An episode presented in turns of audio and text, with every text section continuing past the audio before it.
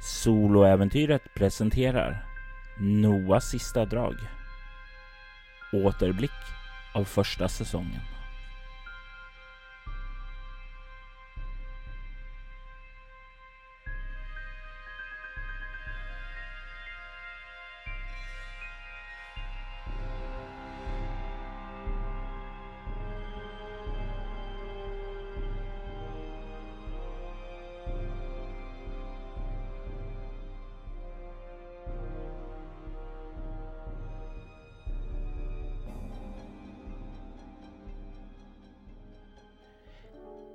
Greg Barton har nyligen flyttat till staden Castle med sin fru Florence och dotter Rain.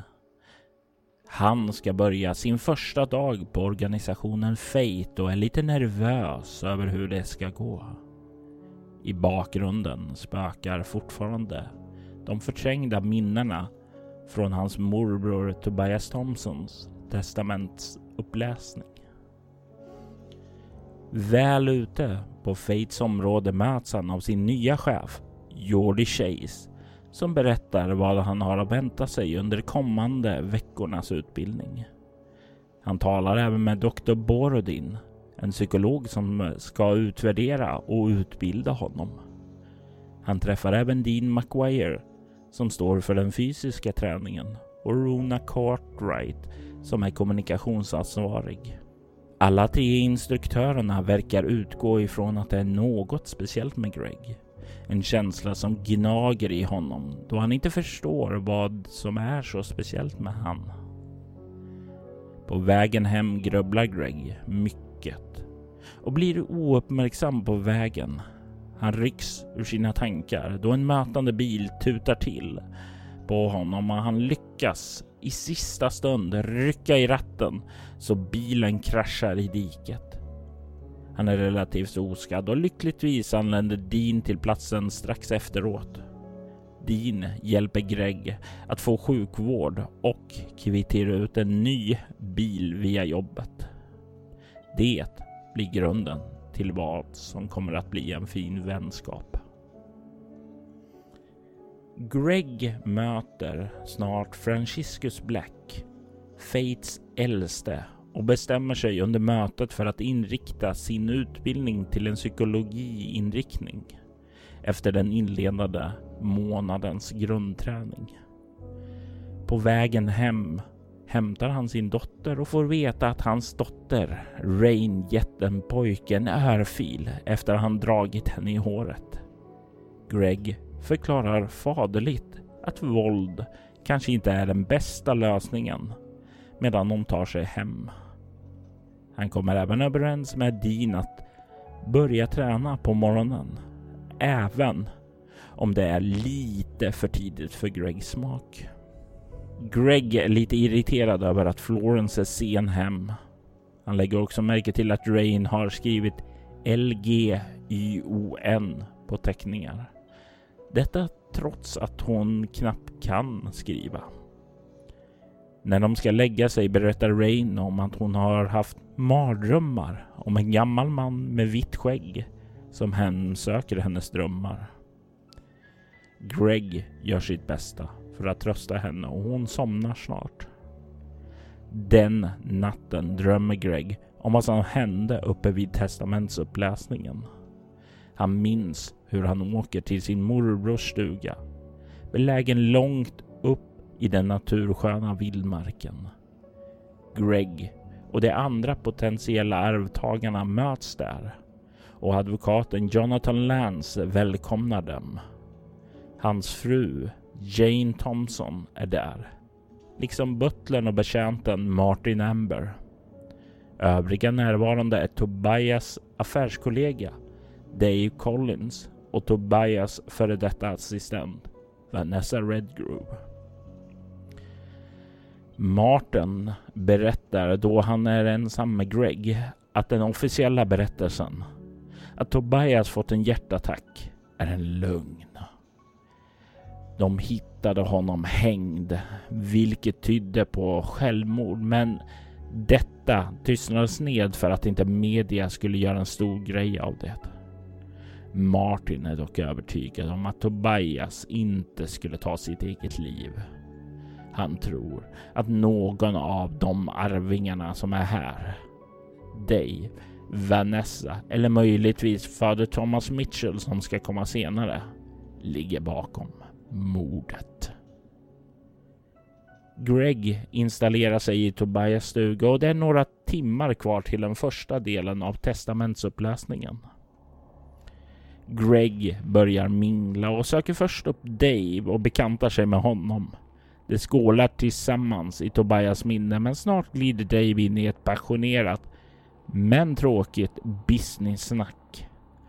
Därefter samtalar Greg med Vanessa och hon verkar inte säker på varför hon är inkluderad i testamentet. Trots allt blev hon avskedad för nio månader sedan. När Greg frågar om de verkligen bara hade en professionell relation tar hon illa vid sig och går därifrån. Greg kliver ut. Vill skaka av sig känslan av sitt klavertramp och blir snart varse om att någonting känns fel där ute. Allt är tyst. Inga ljud hörs från skogen omkring. Tystnaden bryts dock plötsligt av ett plågat fågelskri och Greg rusar mot det. Han finner en grop ute i skogen fylld av mördade djur. Stämningen blir obehaglig då insikten slår honom att en människa legat bakom det här och att oron att den närmar sig honom nu får Greg att fly, fly tillbaka mot huset och när han kommer in så finner han trygghet. I salongen sitter Jane med Nyman, fader Thomas Mitchell. Greg är skakad, men då Dave försöker ge honom tröst skakar Greg bara av sig det och går ner i källaren. Han sköljer ansiktet i vattnet men ser då i spegeln hur hans ansikte verkar åldras till en vithårig, skäggig gammal man. Greg trycker tillbaka sina nervers oro och börjar röra sig uppåt igen. Greg tar sig upp, ber Vanessa om ursäkt. Hon verkar godta det och de kan samspråka en stund innan de kliver in för att äta middag. Jonathan berättar vid middagen att testamentet ska fördelas genom tre olika prövningar där vinnarna i vardera prövning får ta del av arvet. Det visar sig att fader Mitchell som vinner den första prövningen är bäst på att besvara gåtor. Vinsten verkar vara en nyckel och ett brev från Tobias. Ett brev som grattar vinnaren till seger. Efteråt går Greg, Jane och fader Thomas på en kvällspromenad. Greg får under den veta att Jane är gravid med Tobias barn och det glädjer henne när Greg erbjuder sig att finnas där för sin blivande kusin. Greg lägger sig och väcks 01.57 av Jonathan Lance för nästa prövning. Det visar sig vara att orientera sig i den mörka labyrint som källaren utgör. Vid 02.23 påbörjar Greg sin prövning och där inne ser han ett kusligt spöke som föreställer den döda Jane med en uppsprättad buk. Greg tar sig ut och visar stor oro över Jane, men hon är okej. Okay. Då alla tävlat klart tar det sig uppåt. Greg, som är sist upp, tycker sig höra ett eko av ett gråtande barn inifrån labyrinten. Vinnaren blir återigen fader Thomas som vinner en ny nyckel och ett nytt brev. Det liknar det första, men det finns mörkare undertoner i det här brevet. Därefter rör alla sig tillbaka till sängarna för att sova. Den nutida Greg vaknar till i sängen vid 03.23 då Florence stapplar in i sovrummet. Det är ovanligt. Det oroar honom. Greg kan inte, så som Florence, sova. Han kliver upp och ut till toaletten. Återigen får han en flash av en vithårig gammal man i spegeln. Samma man som han såg i Tobias stuga. Det är där för ett ögonblick.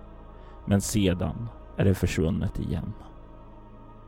Svartsjukan får Greg att kika in i sin frus handväska och han finner en lapp där med namnet Spider och ett telefonnummer. Något inom honom vet att det är fel, men han kan inte låta bli att snoka. Han tar sig ut till Fates område på morgonen för att påbörja sin löpning med Dean. Efteråt googlar han på jobbet namnet Spider och telefonnumret vilket gör att han blir medveten om att denne är ägare till den lokala BDSM-klubben. Det är något som inte stillar hans oro. Därefter fortsätter Grades terapisamtal och där kommer hans svartsjuka upp under samtalen med Dr. Borodin. Han berättar även om sakerna han minns i drömmarna, vilket ses som ett positivt framsteg. Greg får även tillfälle att reflektera över Tobias död. Efter en fullspäckad arbetsdag kommer han hem och äter middag med sin fru och dotter. Det börjar aningen spänd, men blir till slut någorlunda trevlig kväll och Greg somnar som en stock. Och nu kommer han att minnas allt. Greg vaknar upp till frukosten och slutar upp med det andra vid testamentsuppläsningen. Greg hamnar vid fader Thomas sida och de talar lite. I alla fall tills Jane stormar in och ger sig på Vanessa i en catfight. Det visar sig att hon har hittat Tobias samling av nakna foton på honom och henne. Martin och David ingriper och särar på dem. Jane stormar ut ur huset och Greg följer efter henne och försöker övertyga henne att stanna, men hon vägrar och lämnar stugan i sin bil. Efteråt rör sig Greg upp till övervåningen där han finner Martin. Martin försöker övertyga Dave att gå ner, men Dave stirrar bort mot Vanessa och den öppna garderoben som är fylld av nakenfoton på henne och Tobias. Greg får ut Dave och försöker trösta Vanessa, men hon vill bara vara för sig själv av förståeliga skäl. Greg känner sig maktlös och frustrerat anklagar han Dave, Jonathan och fader Thomas för både det ena och andra.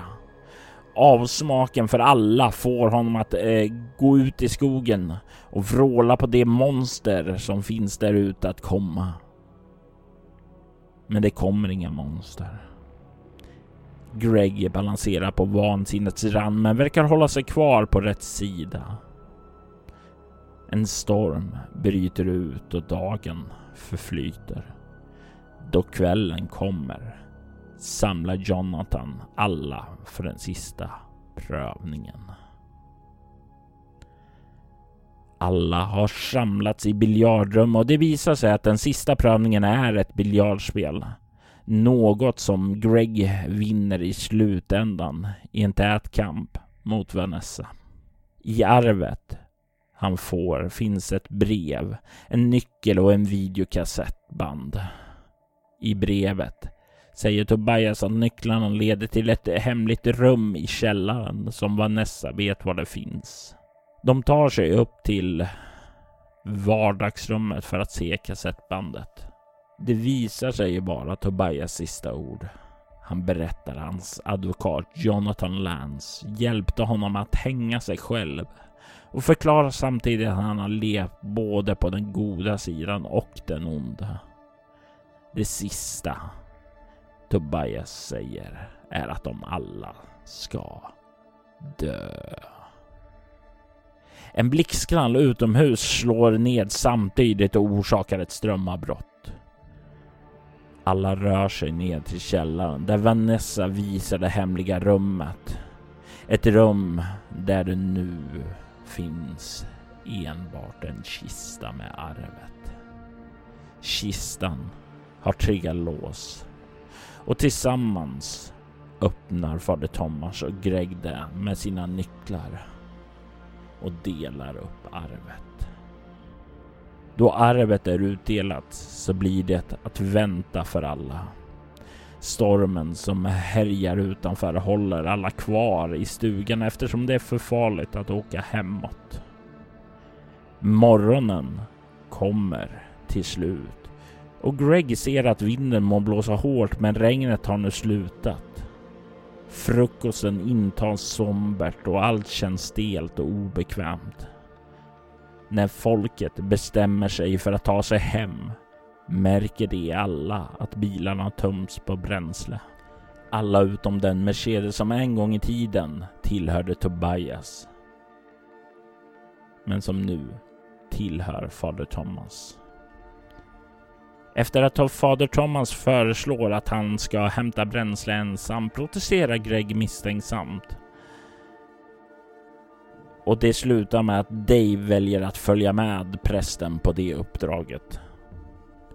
Exakt vad som sker härnäst minns inte Greg, utan det som sker härnäst i drömmen är då Greg kommer rusande, anfodd och skrämd mot Tobias stuga, jagad av någonting ute i vildmarken.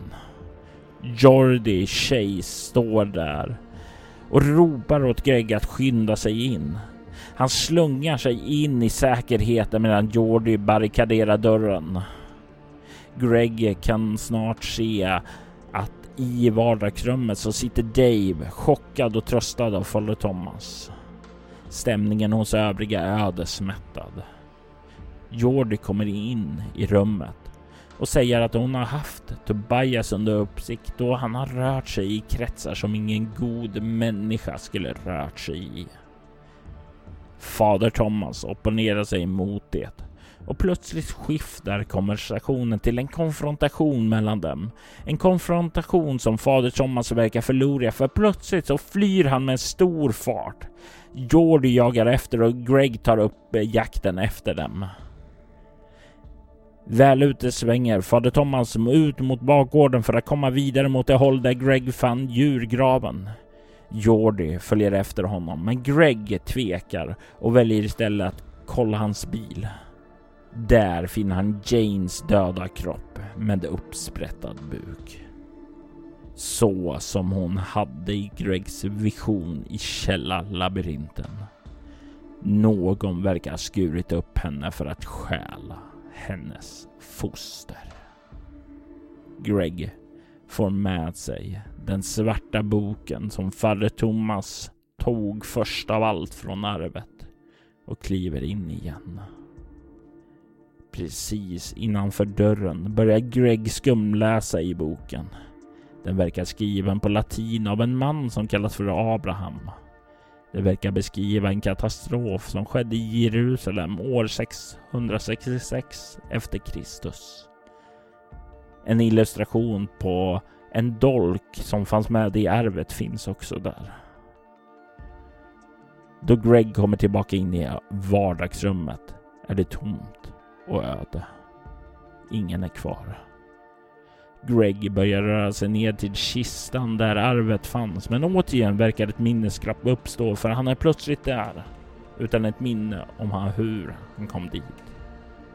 Greg öppnar kistan och lägger ned boken, men rycks ur sina grubblerier om vad som hände då han hör ett eko av ett skrik då han kommer ut från rummet där kistan var så finner han den mördade Dave ligga i trappan upp. Han ser den gamla vithåriga mannen i rummet, det är den som han sett i spegeln. Mannen pekar tillbaka mot rummet där arvet fanns innan han bleknar bort. Gregs nerver går på övervarm nu och eh, han pressar undan den och rör sig uppåt. Just då Greg kliver upp så attackerar Jonathan honom med en kökskniv. Då Jonathan ser att det är Greg backar han förskräckt undan. Han säger att det är Martin som har blivit galen. Det är han som har dödat Dave. Nu så verkar han ha tagit Vanessa fånge och de båda ser den öppna golvluckan i köket och hör eko av Vanessas skrik. Greg ger sig ner i källarlabyrinten med Jonathan bakom sig och de tar sig snart fram och finner Vanessa som hålls fången av Martin. Martin har en hatisk mörk blick och det framgår att han är besatt av någonting hatiskt och ondskefullt. Greg vädjar till Martin att släppa Vanessa. Något som han också gör efter att han har knäckt nacken på henne. Kaos uppstår. Martin försvinner ut i labyrinten och Greg därefter. Ekot av Jonathans dödsgurgel hörs under jakten och Greg väljer att försöka fly. Han kommer till slut fram till stegen med Martin hack i häl och Greg tar sig upp, stänger och blockerar lockan med köksbordet. Greg rusar ut ur huset samtidigt som han ropar på Jordi. Snart kan han se henne komma tillbaka ur skogen tomhänt. I alla fall om man inte räknar hennes pistol som hon nu har i handen. Greg fyller i vad som har hänt i stugan, men en Jordi berättar att fader Thomas verkar ha tagit sig fram till en dold bil som har flytt därifrån. Tillsammans beger sig Greg och Jordi tillbaka in i huset för att se om de kan rädda Martin nu när Jordi också är där. Greg vill hämta sakerna från sitt arv också och de tar sig ned till det. Jordi berättar att hon kommer från en organisation som heter Fate och tillsammans börjar de lägga ihop pusselbitarna av vad som har hänt under arvet. Det verkar som det har rört sig kultister utanför som dödat djuren och mördat Jane. Det verkar även vilja frigöra det väsen som nu finns i Martin och att fader Thomas är en av kultisterna. De hör knarrande ljud på ovanvåningen. Jordi ger sig uppåt, avfyrar pistolen mot vad hon tror är Martin och rusar sedan efter honom. Greg drar dolken från arvet och rör sig upp mer försiktigt. Han ser ingen av dem då han kommer upp. Han ser dock två olika fotspår leder ut i regnet. Greg sluter ögonen för att samla sig i vardagsrummet. Då han öppnar dem så får han en syn. En syn av sin dotter Rain genom glasdörren på verandan. Hon har en kall död blick som gråter blod. Greg rusar ut, desperat för att finna henne. Men blir där ute överfallen av den besatta Martin. Greg tvingas att försvara sig själv och med hjälp av Jordi kommer han lös. Jordi lyckas brotta ner Martin, låsa honom i ett grepp länge nog för att Greg ska kunna hugga dolken i den besatte Martin. Martin skrattar ett vansinnesskratt innan han börjar sjunka ihop. I sina dödsrosslingar väser han fram. Vi är inte besegrade, ty vi är en av många. Martin är död och ondskan besegrad. Men Greg inser att det inte är slutet. Det är början på något nytt. Då Greg vaknar i sitt hem i Castle så minns han nu vad traumat som han har förträngt är. Greg messar direkt till Jordi att han minns och hon svarar lika fort trots att det är mitt i natten. De kommer överens om att de ska prata närmare efter morgonens löprunda med Dean. Greg som inte längre kan sova kliver bort mot Rains rum för att finna tröst där. Men ser att hon inte är där. Det visar sig att hon har rest sig upp, gått ut och funnit det nedpackade arvet som Greg fick med sig. Hon sitter nu på golvet med boken som fader Thomas tog först under arvet.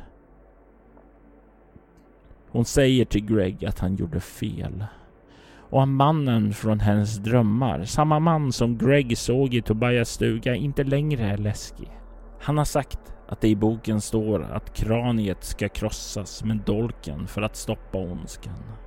Greg frågar om Rain vill följa med sin pappa till jobbet, vilket hon blir eld och lågor över. Och då släpper hennes fokus på boken.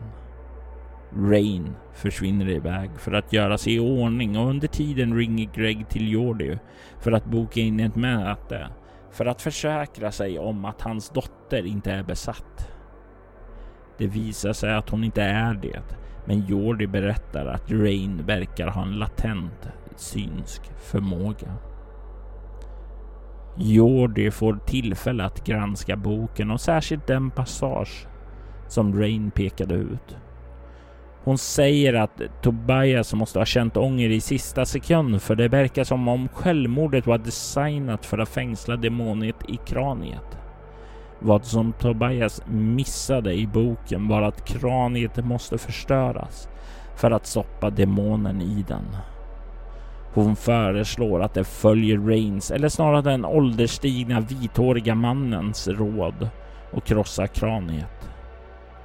Det kommer dock inte stoppa den kult som fader Thomas var med i.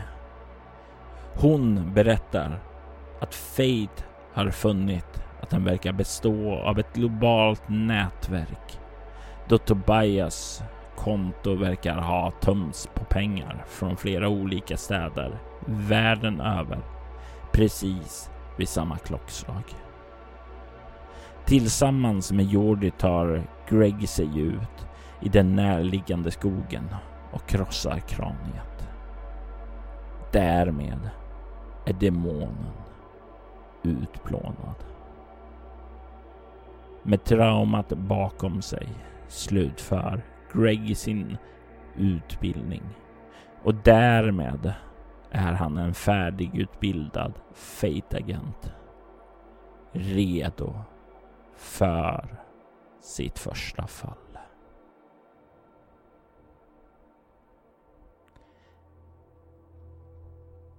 Noahs sista drag är en berättelse skriven, redigerad och spelledd av Robert Johnson till rollspelet Bortom som ges ut av Myling Spel. Temamusiken till Noahs sista drag gjordes av Per Holmström. Övrig musik gjordes av Cryo Chamber, ett bolag som ger ut fantastiskt fin stämningsmusik som passar bra vid spelbordet. Soloäventyret är en actual play podcast där vi spelar rollspelen Bortom och Leviathan. Ni kan komma i kontakt med oss via mail på info bortom.nu. Det går även att följa oss på Instagram och Twitter som @spelabortom, på Facebook samt på bortom.nu. Känn er även fri att spana in vår spin-off-podd Altors vidder och Valery Chronicles.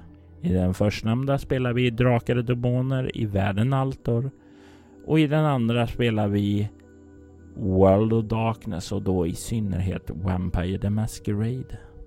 Vill du stödja Roberts fortsatta kreativa skapande kan du göra det på Patreon.com snedstreck Robert Jonsson. De som backar där får tillgångar till material i form av extra poddar som till exempel Mutant Nova, en rollspelspodd där vi just nu spelar Nya MUTANT jag är Robert Jonsson. Tack för att du har lyssnat. Vi vill ta tillfället i akt att tacka, hylla och hedra våra Patreon-backare. Ty Nilsson, Daniel Pettersson, Daniel Lans och Morgan Kullberg. Ert stöd är djupt uppskattad.